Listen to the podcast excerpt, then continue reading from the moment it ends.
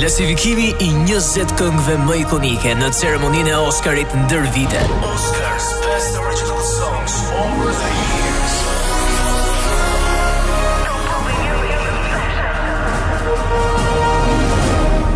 Zonja dhe zotërinj, mirë se keni ardhur në... O jo, dale, prit. Uh... Si e ka kjo më burr? Uh, a po, po, po, po, po. po. Ore, me vërtet do e bëjmë këtë gjë apo po tallemi tani se s'po e kuptoj. E mirë, në rregull, në rregull. Zonja dhe zotërinj, ky është një emision që nuk ju prish. po, po, po, po, e mirë, hajde, hajde, bëjmë serioz, hajde. Zonja dhe zotërinj, muzika nuk ju prish, arti nuk ju prish, Oskari nuk ju prish. bo, bo, bo, bo, bo. E më burr në rregull e bërë, hajde, bëjmë serioze, ta bëjmë tamam. Fillojmë.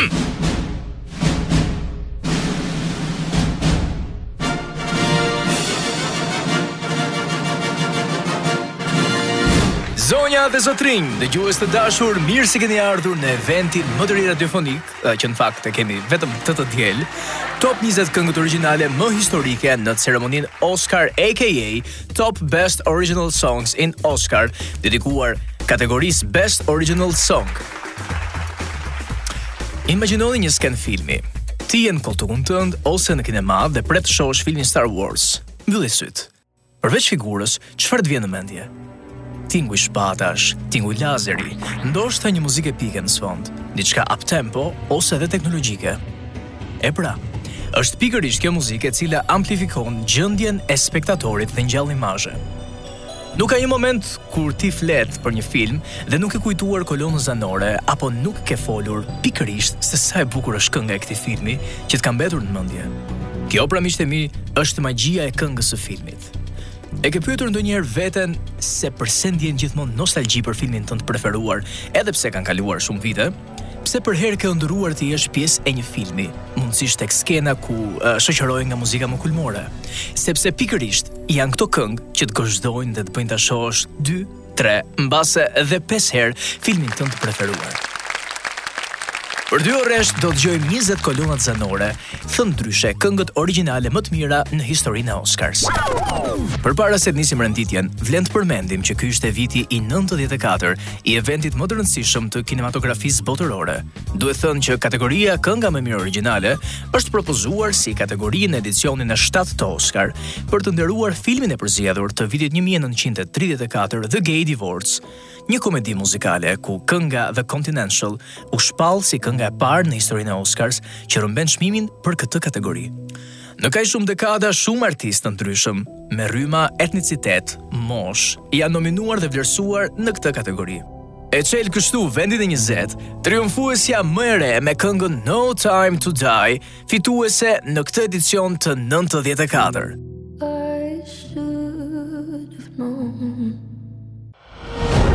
Klasifikimi i 20 këngëve më ikonike në ceremoninë e Oscarit ndër vite.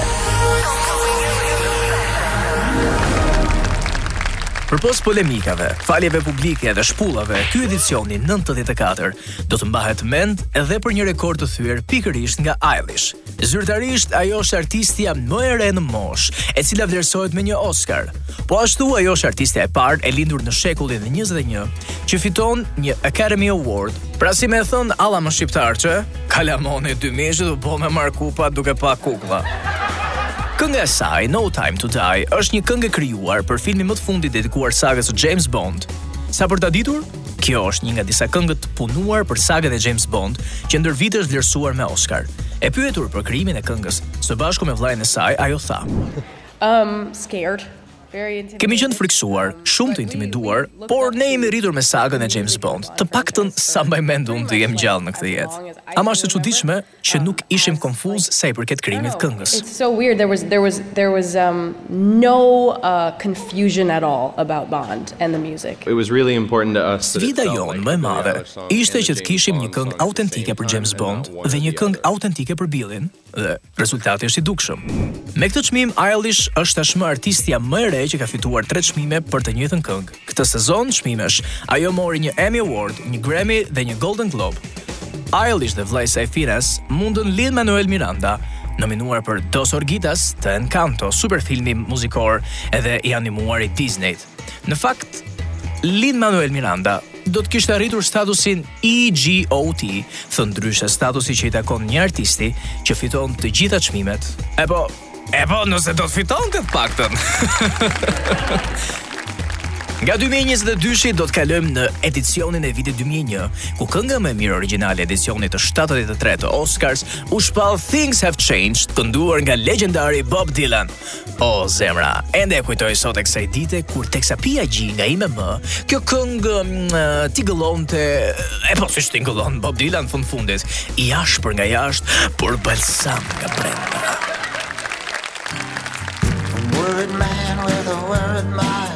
Things have changed. Kolona zanore e filmit Wonder Boys të skenaristit Curtis Hanson në vitin 2000, i cili sigurisht është cilësuar po ashtu si bashkëpunimi që lindi nga kimia shpirtërore. Hanson kishte qenë një adhurues i muzikës së Bob Dylan që nga fëmijëria. Nga ana tjetër, Dylan admiroi filmin e mëparshëm të Hanson, LA Confidential, Të dy kërkuan në momentin e duhur bashkëpunimin me njëri-tjetrin. Hanson zgjodhi Dylan, sepse sipas tij, askush më mirë se ky i fundit nuk e di ç'do thotë të jesh çuni i mrekullive dhe kur vuan frikën e ripërsëritjes së vetes. Vlen t'thuhet që krahas filmit, Hanson xhiroi një klip enkas për Dylan, ku bashkoi skenat e tij edhe skena nga filmi, duke e bërë kështu Dylan mirëfilli pjesë të filmit. Kritika po ashtu e ka shpallur këtë këngë si një nga pesë këngët më të mira të Dylan regjistruar në shekullin e 2021. Tani glamurit të Oscar do t'i shtojmë disa erëza, se kur bëhet fjala për këtë kolonë zanore, nuk ka shafran dhe aromë që nuk të sjell ndër mend Indinë. Vendi 18, Jai Ho nga AR Rahman featuring Pussycat Dolls.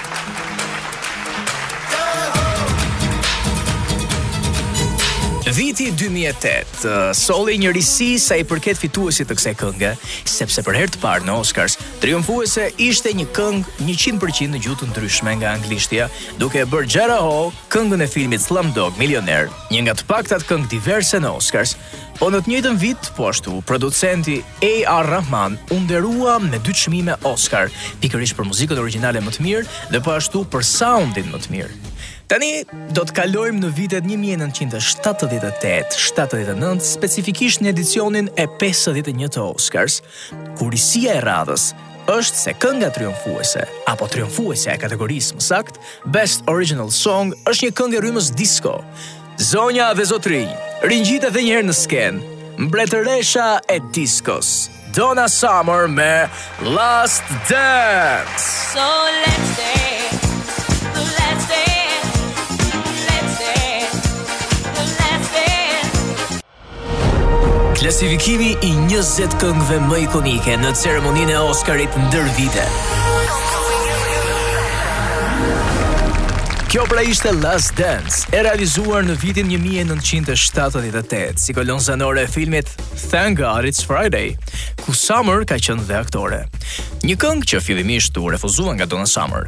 Sipas producentit të vërtetë të këngës, Bob Esty, bashkëproducentët Paul Jabara dhe babai i muzikës disco Giorgio Moroder e kishin mbyllur Summerin në një tualet në një banjë hoteli në Puerto Rico dhe e kishin detyruar të dëgjonte pikërisht kasetën ku këndohej demoja e kësaj kënge. E vërtetë e trishtë, por sigurisht ndonjëherë për të bërë një super këngë fituese duhet të mbyllesh dhe në banjo, pse jo. Summerit më pas i pëlqeu kënga dhe Xhabara dhe Moroder i kërkuan Esty të punonte me ta për një marrëveshje që Summer të bënte regjistrimin nën emrin e tyre. Esty kujton, Natën që përfundova orkestracionin e këngës, Po atë natë, Xhorxho Moroder regjistroi vokalin e Donës pikërisht ashtu siç ajo këndoi demon dhe më ndaloi të merrja pjesë në seancë. Përkundër faktit se Xhorxhos nuk i pëlqente asnjëherë kënga dhe nuk donte që Dona të këndonte me stilin e saj të plotë vokal, mendova se të paktën do të merrja meritë për bashkëprodhimin e këngës dhe bashkëkrimin e këngës. Ai dhe Pol Xhabara morën Oscar, ndërsa unë mora asgjë. Mësova një mësim në fakt të hidhur nga kjo, por në fund fundit, That's life. Gjithsesi, Last Dance mbetet një nga këngët e para disco që nisi si një baladë e më pas ndryshon strukturën. Kur vjen puna tek artistët më specialë të kësaj dekade, ai pa dyshim që është një ndër më të spikaturit. Bëhet fjalë për Sam Smith, i cili në vitin 2015 realizoi materialin Writing's on the Wall për filmin Spectre. Vjen për ju Fituesi i edicionit të tetëdhjetë e tetë në kategorinë Best Original Music, Sam Smith me Writing's on the Wall. I've been here before. Në rend kronologjik, kjo është kënga e dytë nga saga e James Bond, që vlerësohet me një çmim Oscar. Writing's on the Wall u shkrua nga Smith dhe Jimmy Napes. Ata e kompozuan këngën në më pak se gjysmë ore dhe regjistruan shpejt një demo. Kur e dëgjuan përsëri regjistrimin, ishin aq të kënaqur me performancën vokale të Smith, saqë përfunduan duke e përdorur atë në publikimin përfundimtar. Më 8 shtator 2015, Sam Smith njoftoi se ata po këndonin këngën për filmin James Bond Spectre. Nga ana tjetër, grupi anglez Radiohead kompozoi gjithashtu një këngë për filmin Spectre, e cila në fakt mbeti e papërdorur, duke i lënë Smith ekskluzivitetin e këtij projekti. Fillimisht kënga mori kritika të përziera. Alexis Petridis i The Guardian shkroi se kënga u përpoq të kapte gjendjen shpirtërore të Skyfall nga Adele, por nuk tingëllon dhe aq mbresëlënëse. Lewis Corner i Digital Spy e vlerësoi atë me 3 nga 5 yje. Në fjalimin përshëndetës, Smith tha: I want to dedicate this to the LGBT community all around Këtë çmim ia dedikoj komunitetit LGBTIQ+. Sot qëndroj si një burrë gej krenar dhe uroj që një ditë të jemi në këtë skenë si të barabartë. We can all stand together as equals one day. Thank you so much. Miqtë e mi, të dashur dëgjues, kënga e radhës do të na zgjojë të gjithëve nostalgji. Në vendin e 15 vjen kolona zanore e Lion King.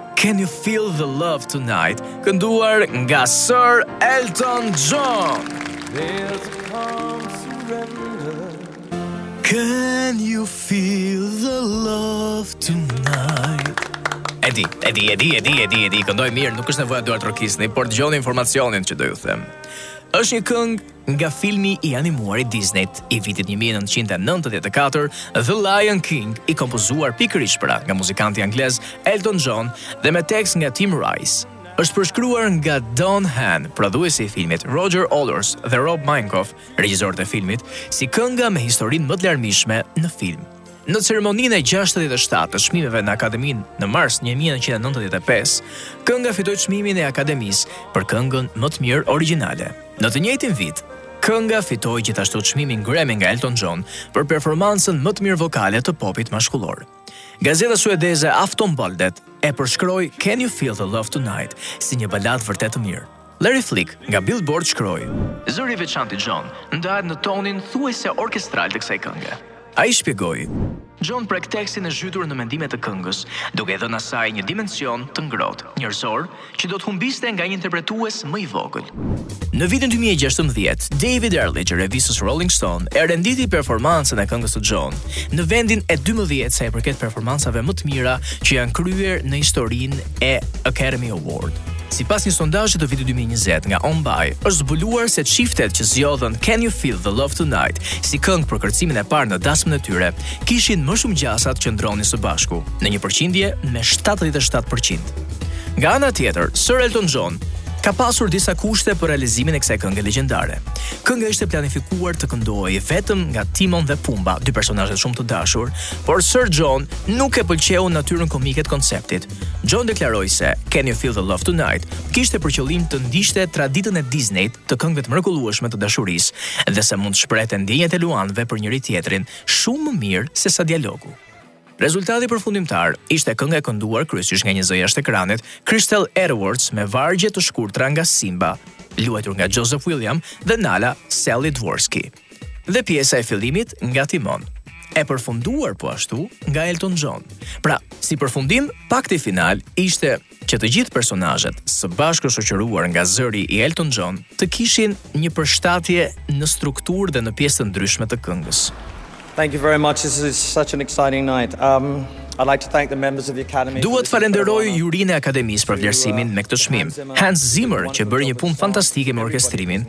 Këdo në Disney, prindërit e mi, David, miqve të mi po ashtu që punuan në këtë projekt. Dua t'ia dedikoj këtë çmim gjyshes sime Ivy, e cila ndërroi jetë javën e kaluar. Ajo ishte një grua që më uli në piano kur unë isha tre vjeç dhe më mësoi të luaj. Ky çmim shkon për ty gjyshja ime. Prekëse apo jo? Mallëngjyese vërtet. Oh, po ti mo ç'do këtu? Pyetja është, ti çfarë do këtu? Përshëndetje dëgjuesit e mi të dashur, mirë se keni ardhur. E bëmë një herë prezantimin, s'është nevoja. Që ta dini. Që ta dini, unë jam Cindy, por duke qenë se nuk kishte sponsora të paguante kolegët, erdha unë që t'i zbardh transmetimin. Vjen tani një baladë drithëruese që shkrin çdo ajsberg mijëvjeçar, Let it go nga Indina Menzel. The snow glows white on the mountain tonight Not a footprint to be seen Frozen i Disney shpërtheu në kulturën popullore pas publikimit në 2013. Personazhet e dashur të animuar dhe humori i shpejtë rezonojnë me të gjitha moshat, ndërsa kolona zanore e filmit forcon Frozen si një klasik bashkëkohor. Let It Go, shkruar nga çifti i kompozitorëve Kristen Anderson Lopez dhe Robert Lopez, është kënga përgjegjëse për një pjesë të rëndësishme të suksesit të filmit. Suksesi i këngës qëndron në emocionin e pamanipuluar që ekipi i Lopez ishte në gjendje të fuste në tekst. Jennifer Lee, shkrimtarja dhe regjizorja e Frozen, përshkruan një lloj emocioni universal që gjendet në Let It Go gjatë një interviste me skenaristin John August, teksa flet Për personazhin e Elsës, Lee thotë, Gjithçka është konceptuar për të treguar se kush është ky njeri që e ka mbajtur për vete për kaq shumë kohë diçka, por që në fakt kërkon të ndjejë lirinë. Andaj revolta dhe trishtimi e kapin, sepse është vetëm dhe nuk ka kujt t'i drejtohet. Ky person e sjell vetminë si një tabelë qitjeje të cilën dëshiron vetëm ta shigjetojë me dëshirën e lirisë. Refreni i këngës ilustron këtë ndjenjë. Lëre të shkojë. Lëre të shkojë. Jo më nuk mundem ta mbaj dot. Lëre të shkojë. Lëre të shkojë. Përplase derën, m'u largo. Nuk më intereson se çfarë do të thonë. Lëre stuhinë të më tërbojë. Gjithsesi, I ftohti asnjëherë nuk më shqetësoi.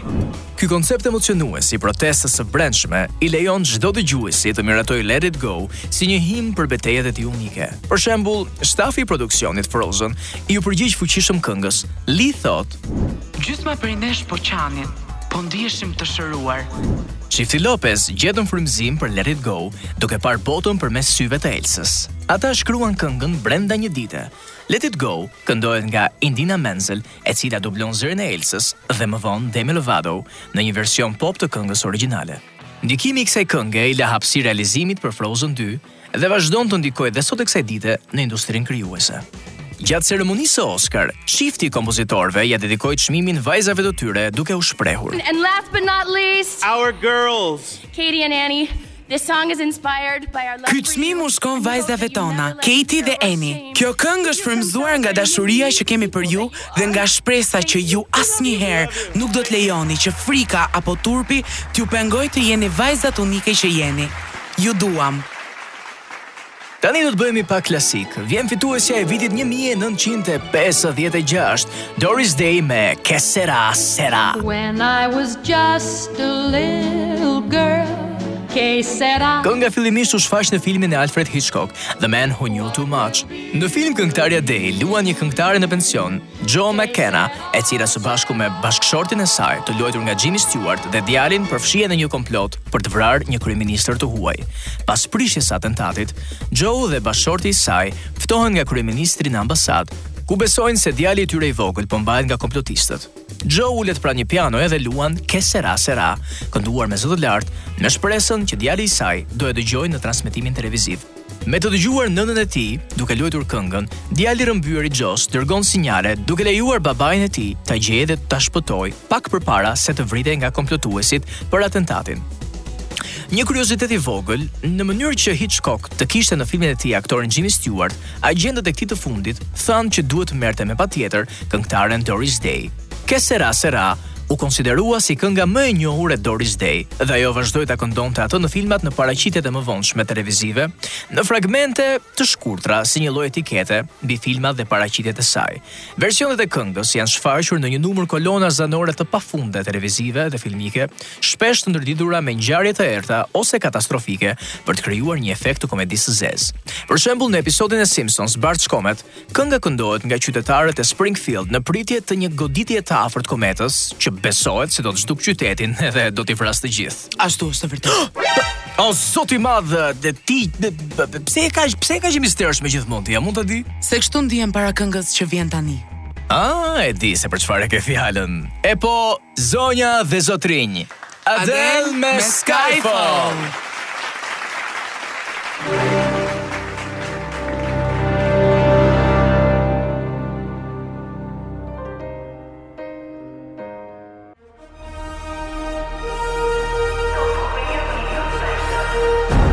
Klasifikimi i 20 këngëve më ikonike në ceremoninë e Oscarit ndër vite. Oscars Best Original Songs Over the Years.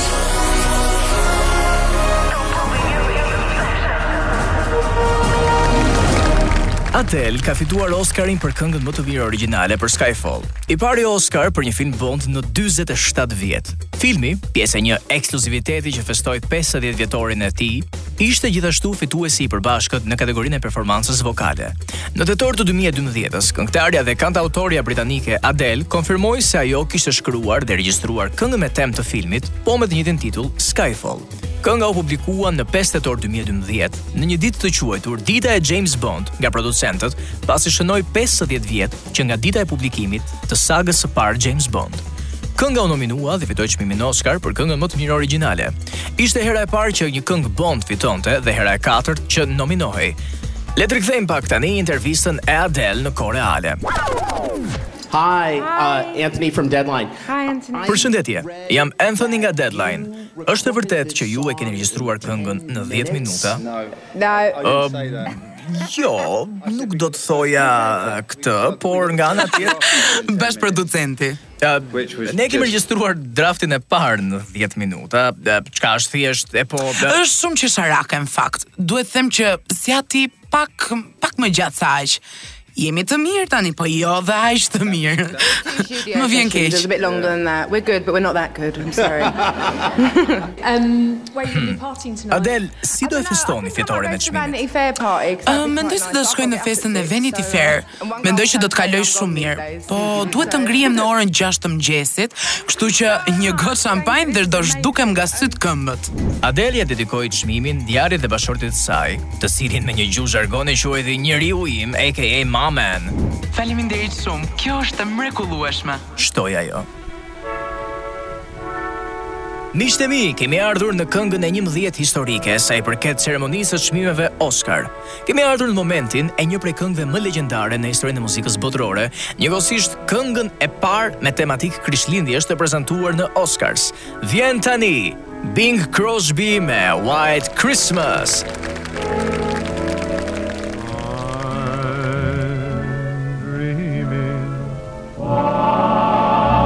White Christmas, kënga fituese e çmimit Best Original Song, Në vitin një mijë e nëntëqind e dyzet e tre, specifikisht në edicionin e pesëmbëdhjetë të Oscars, kjo këngë ka qenë kolona zanore e filmit Holiday Inn, publikuar në vitin një mijë e nëntëqind e dyzet e dy. Kompozitori i filmit kompozoi dymbëdhjetë këngë, ku ndër to White Christmas triumfoi. Po ashtu, kjo është kënga e parë komerciale e Krishtlindjeve në Oscars, kompozuar nga kompozitori me origjinë hebree. Çka do thotë imagjino tani uh, një kompozitor që kompozon për Krishtlindjet ndërkohë që ka një tjetër besim. Fantastike apo jo? Unë do doja që të kalonim në një prall tani. Ndjehuni princër dhe princesha sepse mirëpresim Beauty and the Beast.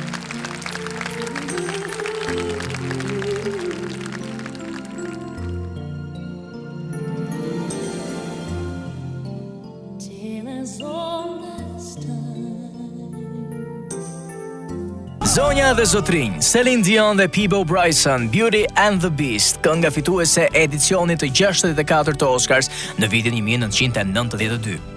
Është një këngë me tekst nga Howard Ashman dhe kompozuar nga Alan Menken. Kompozitori legjendar i Disney-t, i cili ka krijuar kolonat zanore të Sirena e Vogël, Aladini, Pocahontas, Herkuli dhe shumë të tjerë. Kënga në thelb përshkruan marrëdhënien midis dy personazheve të tij kryesor, pra Belle dhe Bishës, konkretisht se si çifti ka mësuar të pranojë dallimet e tyre dhe nga ana tjetër të ndryshojë njëri-tjetrin për mirë. Për më tepër, teksti i këngës nënkupton se ndjenja e dashurisë është po aq e përjetshme dhe e përjetshme sa një prallë e vjetër sa koha. Beauty and the Beast u regjistrua si një duet pop nga këngëtarja kanadeze Celine Dion dhe këngëtari amerikan Peebo Bryson. Disney fillimisht rekrutoi vetëm Dion për të regjistruar një version radio të këngës, e cila do të shërbente si promo për filmin. Megjithatë, studioja ishte shqetësuar sepse e sapoardhura në atë kohë nuk do të tërhiqte audiencë mjaftueshëm. në Shtetet e Bashkuara, aq më tepër edhe për arsyen se kishte hequr dorë nga realizimi i kolonës zanore për filmin e animuar American Tail, kështu që ata thirrën Bryson për një duet.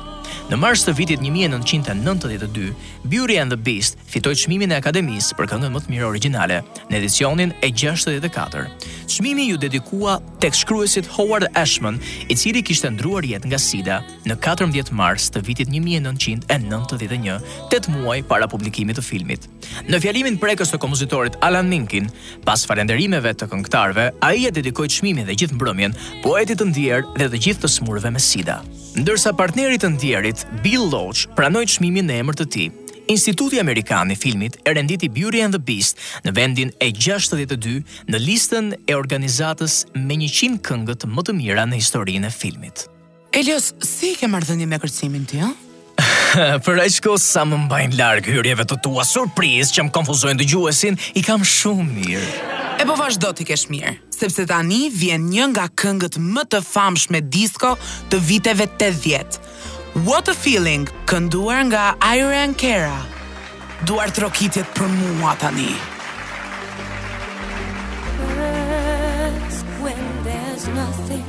E po, të gjithë e duam një këngë ritmike që të bën të zgjohesh me shpresë dhe energji, ë? Të gjithë kemi thënë të paktën një herë, "Ej, a i mbani mend ato këngët e viteve 80."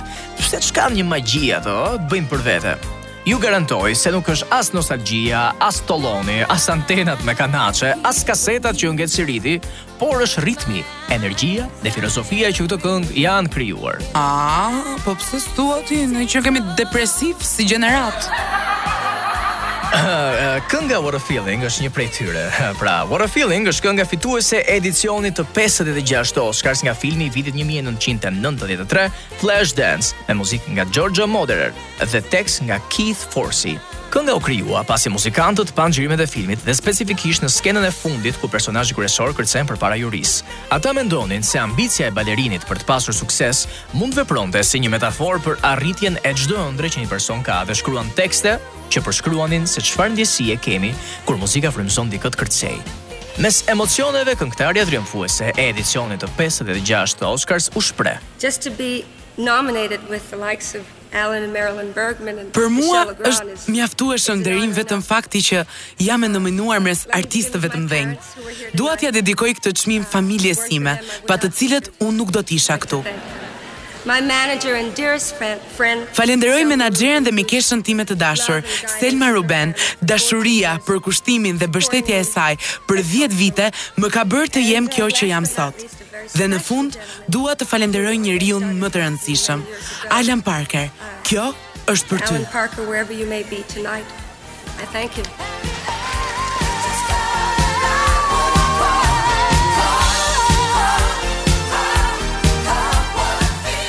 Por nuk ka qenë vetëm glamur dhe shampanjë. Pasi kënga korri suksesin e saj, Irene Cara kuptoi se asaj nuk i ishin paguar honoraret që ishin parashikuar në kontratën e regjistrimit dhe ndërmori veprime ligjore kundër studios menaxhuese për t'u kompensuar. Reagimi që ajo pretendon se pësoi në shenjë hakmarrje për ngritjen e një padie e la atë të ndihej e mbyllur nga industria muzikore zbavitëse, ndërsa luftonte për të gjetur punë. Edhe pse ajo filloi të merrte honorare për regjistrimet që bëri për ta, studioja menaxhuese dhe pronari i saj deklaruan falimentimin dhe pretenduan se nuk ishte në gjendje t'i paguanin pagesën prej 1.5 milionë dollarësh që iu dha nga Gjykata e Lartë e Los Angeles. Eh, It's Hollywood baby. Tani uh, tani dua vëmendjen tuaj, pasi një ndër këngët më legjendare të Oscars vjen e pozicionuar në vendin e 8. Zonja dhe zotërinj, duartrokisni grupin Berlin me Take My Breath Away. Take My Breath Away, kolona zanore e filmit Top Gun, fituese në kategorinë Best Original Song në vitin 1986. Le të ndjekim rrëfimin e këngëtares së grupit Berlin, Terri Nunn, se si kënga dhe grupi gjetën njëri-tjetrin. Ne ishim në fillimet tona dhe adhuronim punën e Giorgio Moroder. Pas shumë kontaktesh, iu lutëm të punonim me të, por kishim mundësi ekonomike ta paguanim vetëm për një këngë. Ndërkohë Giorgio kishte provuar shumë këngëtare për këngën Take My Breath Away, por producentët e filmit i kishin refuzuar të gjithë, kështu që Giorgio na sugjeroi. Ne nuk kishim patur hite të mëdha, por ai kishte fuqinë të ishte shumë bindës. Pasi ëndrra na u realizua, shkuam në studion e tij dhe mbaj mend që më thoshte, Duhet thjeshtësi në vokal, pasi njerëzit duan të këndojnë me ty, por njëkohësisht duan që të përcjellësh edhe dashuri. Në ato vite isha, isha aq e zënë me grupin sa nuk kisha pasur lidhje për katër vjet, kështu që e këndova nga një ndjenjë trishtimi dhe malli dhe ndoshta kjo ishte ajo që bëri jehonë. Nga ana tjetër, Giorgio Moroder, përpos gjetjes së vokalistëve, kishte probleme me vendosjen e tekstit. Ai në fakt është shprehur tekstualisht, Isha duke krijuar këngën në studion time, Dhe Ferrari im personal kishte probleme me frenat. Një ditë një djalë, Tom Whitlock, erdhi dhe tha se ishte mekanik dhe mund ta rregullonte. Më vonë më tha, "O, oh, dhe meqë ra fjala jam edhe tekstshkrues. Nëse keni nevojë për disa fjalë, tani me thënë të drejtën unë kurrë nuk kam qenë i zoti në tekste, kështu që ia dhashë atij demot e mia. Ai shkroi fjalë për Danger Zone dhe Take My Breath Away, ndër të tjera dhe imazhet ishin perfekte. Sa i përket këngës, Take My Breath Away është vepra ime e preferuar për shkak të komponentëve dhe mënyrës se si Terri e këndon atë. Ajo fitoi këngën më të mirë origjinale në Golden Globe dhe Oscar-in tim të tretë.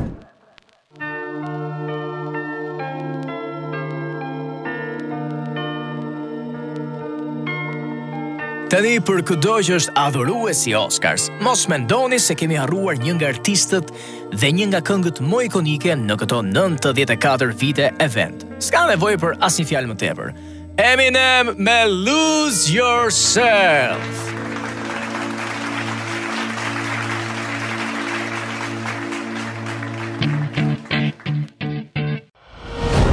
Klasifikimi i 20 këngëve më ikonike në ceremoninë e Oscarit ndër vite.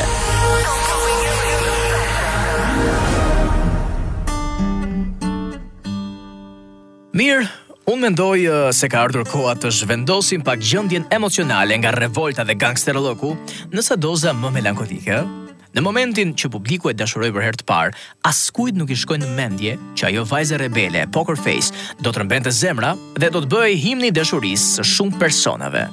Nga Gaga ekstravagante e dikurshme, në vitin 2018 u mahnitëm nga Gaga më artistike se kurrë, duke shpalosur dimensionet e saj. E pra e kuptuat, ë? Në vendin e gjashtë vjen balada Shallow nga Lady Gaga dhe Bradley Cooper. Tell me something girl.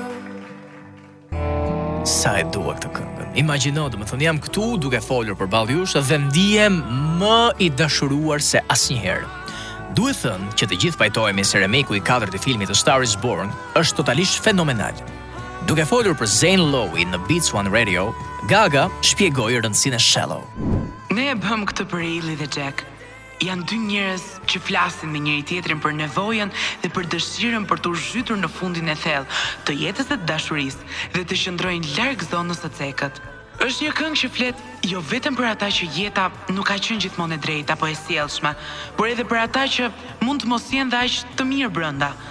Dy njerëz bashkohen në një periudhë cenueshmërie intensive dhe zhyten në një romancë të fatit. Njëri shkon drejt abuzimit me drogën dhe alkoolin, ndërsa tjetri, tjetri ngjitet drejt famës dhe besueshmërisë globale.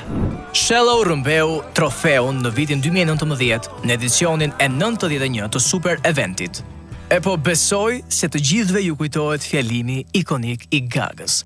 You know, It's not about winning. Nuk ka rëndësi të fitosh. Me rëndësi është është të mos dorëzohesh. Nëse keni një ëndërr, luftoni për të. Por ka një disiplinë për pasionin dhe nuk ka rëndësi se sa herë refuzohesh, sa rrëzohesh apo fundosesh. Me rëndësi është të ngrihesh dhe të luftosh. Në fund të ditës ajo mbetet thjesht Lady Gaga. Kënga pasuese është mirëfilli një këngë që hyn në sagën e këngëve më klasike në industrinë muzikore. Për ju, Say You, Say Me nga Lionel Richie.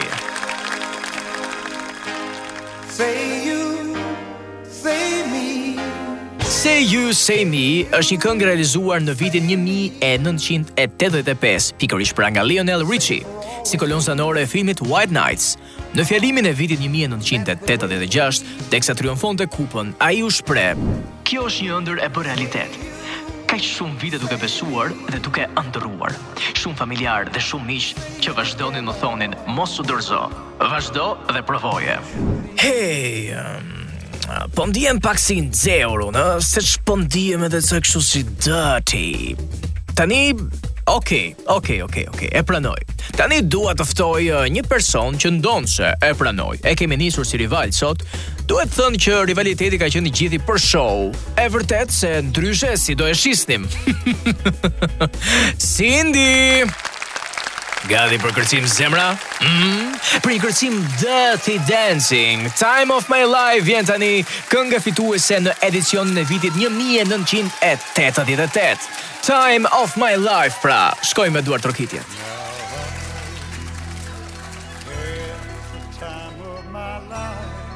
I've had the time of my life. O zot sa bukur ndihem tani që sapo shijova duke kërcyer këtë material ekzotik do thoja. Kënduar nga Bill Medley dhe Jennifer Warnes dhe krijuar nga Franke Previte, u përdor në filmin e vitit 1987 Dirty Dancing dhe që atëherë është bërë një nga këngët më të famshme pop në botë. Kënga fillimisht ishte menduar të këndohej nga Donna Summer dhe Joe Esposito, por Summer e refuzoi pasi nuk i pëlqeu titulli i filmit. Ylli i Righteous Brothers, Bill Medley, u kontaktua shumë herë gjatë dy muajve për të regjistruar këngën, por ai gjithashtu refuzoi, pasi vajza e tij, McKenna, do të lindte. Pas lindjes së vajzës, Medley u pyet përsëri pasi Jennifer Warnes tha se do ta regjistronte këngën nëse mund ta bënte duet me Medley. Warnes më vonë tha për këngën. Unë mendoj që ishte një aksident që sapo lulëzoi. Askush nuk e mendonte se do të ishte kaq e madhe. Ishte ishte thjesht një surprizë. Dhe ne bëmë më të mirën. Bill edhe unë. Filmi ishte i mrekullueshëm, ende popullor dhe do të jetë gjithmonë. Por unë kam menduar për të dhe kam pyetur veten pse e gjithë bota e do atë kaq shumë dhe mendoj se përgjigja është sepse është mbi të gjitha e gëzueshme. Nëse i heq gëzimin nga ajo këngë, nuk është më një hit.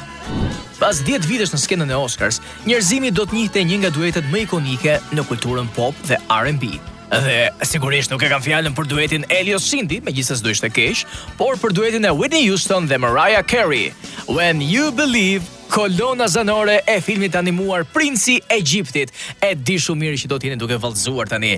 Duartrokitje.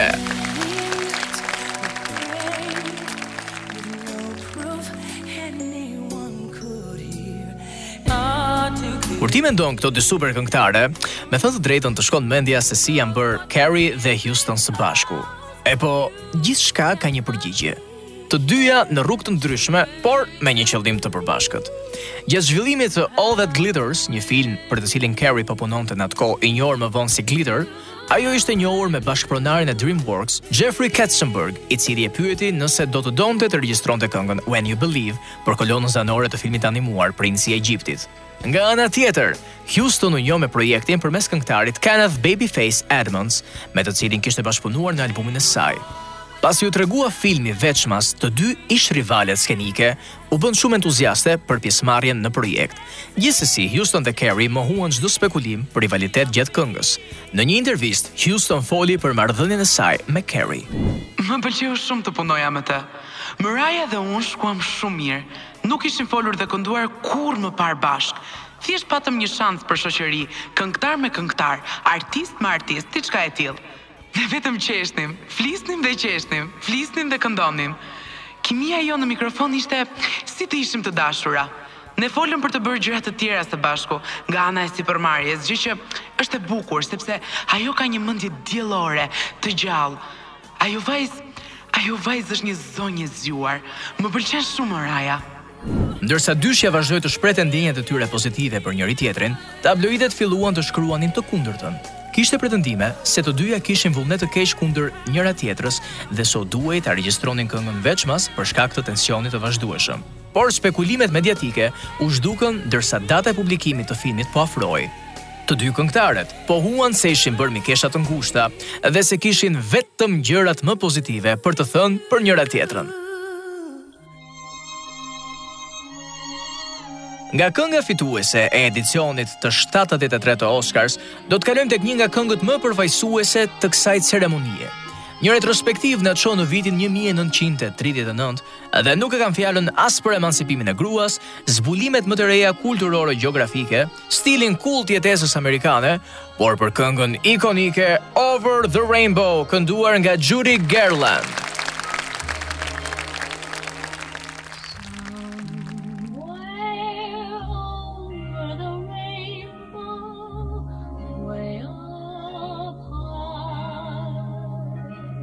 është ndoshta kënga më e njohur dhe më ikonike e shekullit të 20, por njëkohësisht dhe një nga këngët me më shumë mesazh në historinë e njerëzimit. Shpesh është përkthyer si sinonim i përvojës hebreje të luftës së dytë botërore.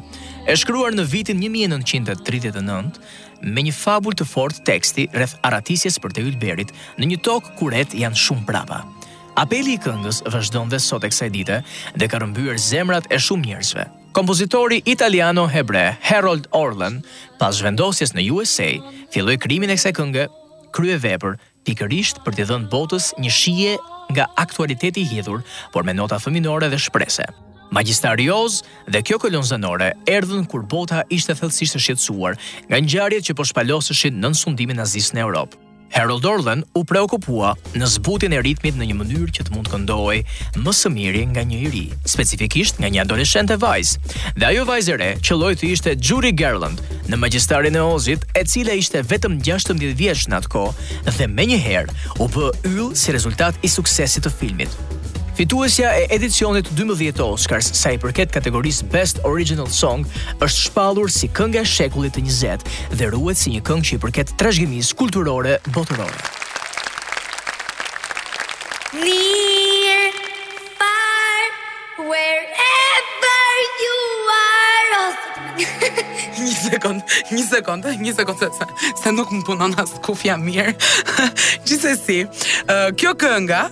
E sigurt që nuk më bën vetëm mua të ngre krahët, edhe të ndihem sikur jam në majë të ndonjë anije të madhe, edhe po shoh detin. Zakonisht unë këtë gjë e bëj me ato varkat me pedale, ngre krahët dhe hop, ndihem tamam si në Titanik.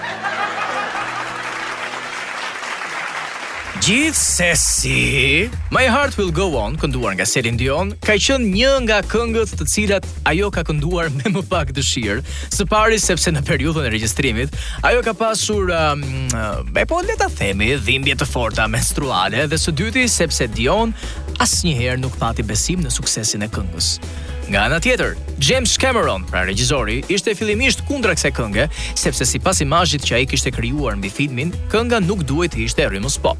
Regjizori Cameron Më në fund vendosi ta pranojë këngën, po pasi tani pasi Celine Dion shpërtheu në lot. Dhe a e dini ju se sa herë e ka regjistruar këngën Celine Dion? Të gjithëve mund na shkojë mendja që ajo ka shpenzuar ditë të tëra në studio, net të gjata, por jo. Hajde, më thuaj, më thuaj sa mjet. O, po, o, po, po, po dëgjoj një tresh, aha, po dëgjoj një pesë, po, po, një shtatë, po, po, Po, një njish! Po, po fiks një njish! Celine Dion e ka kënduar këtë këngë plot një herë. Sindi nuk ka ndjesi më të bukur se sa të dëgjosh publikun tonë që blen këngën e Celine Dion, a? U shit më në fund. Por duhet thënë se fati i keq që ka ndjekur këtë këngë. Ama në fund, mbetet një nga këngët më të famshme dhe më ikonike të të gjitha kohërave. Në përmbyllje të këtij eventi kaq të rëndësishëm muzikor, vetëm për ju vjen triumfuesja e edicionit të 70 të Oscars. Ftojmë me duartrokitje të mëdha Celine Dion me My Heart Will Go On.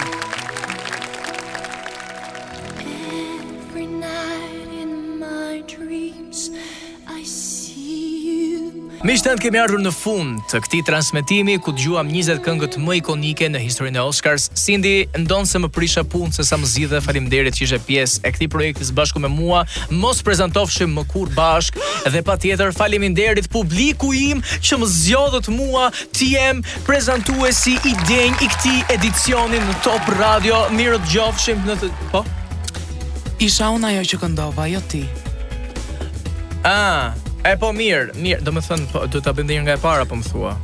Mos më burrë se i thonë tre orë tranë, po, po. Mirë u dëgjofshim! A e di ça, a e di ça, më mirë, e lëm e lësën dhe unë po e vazhdoj ta bëj vetëm këtë. Mirë u dëgjofshim, ju duam!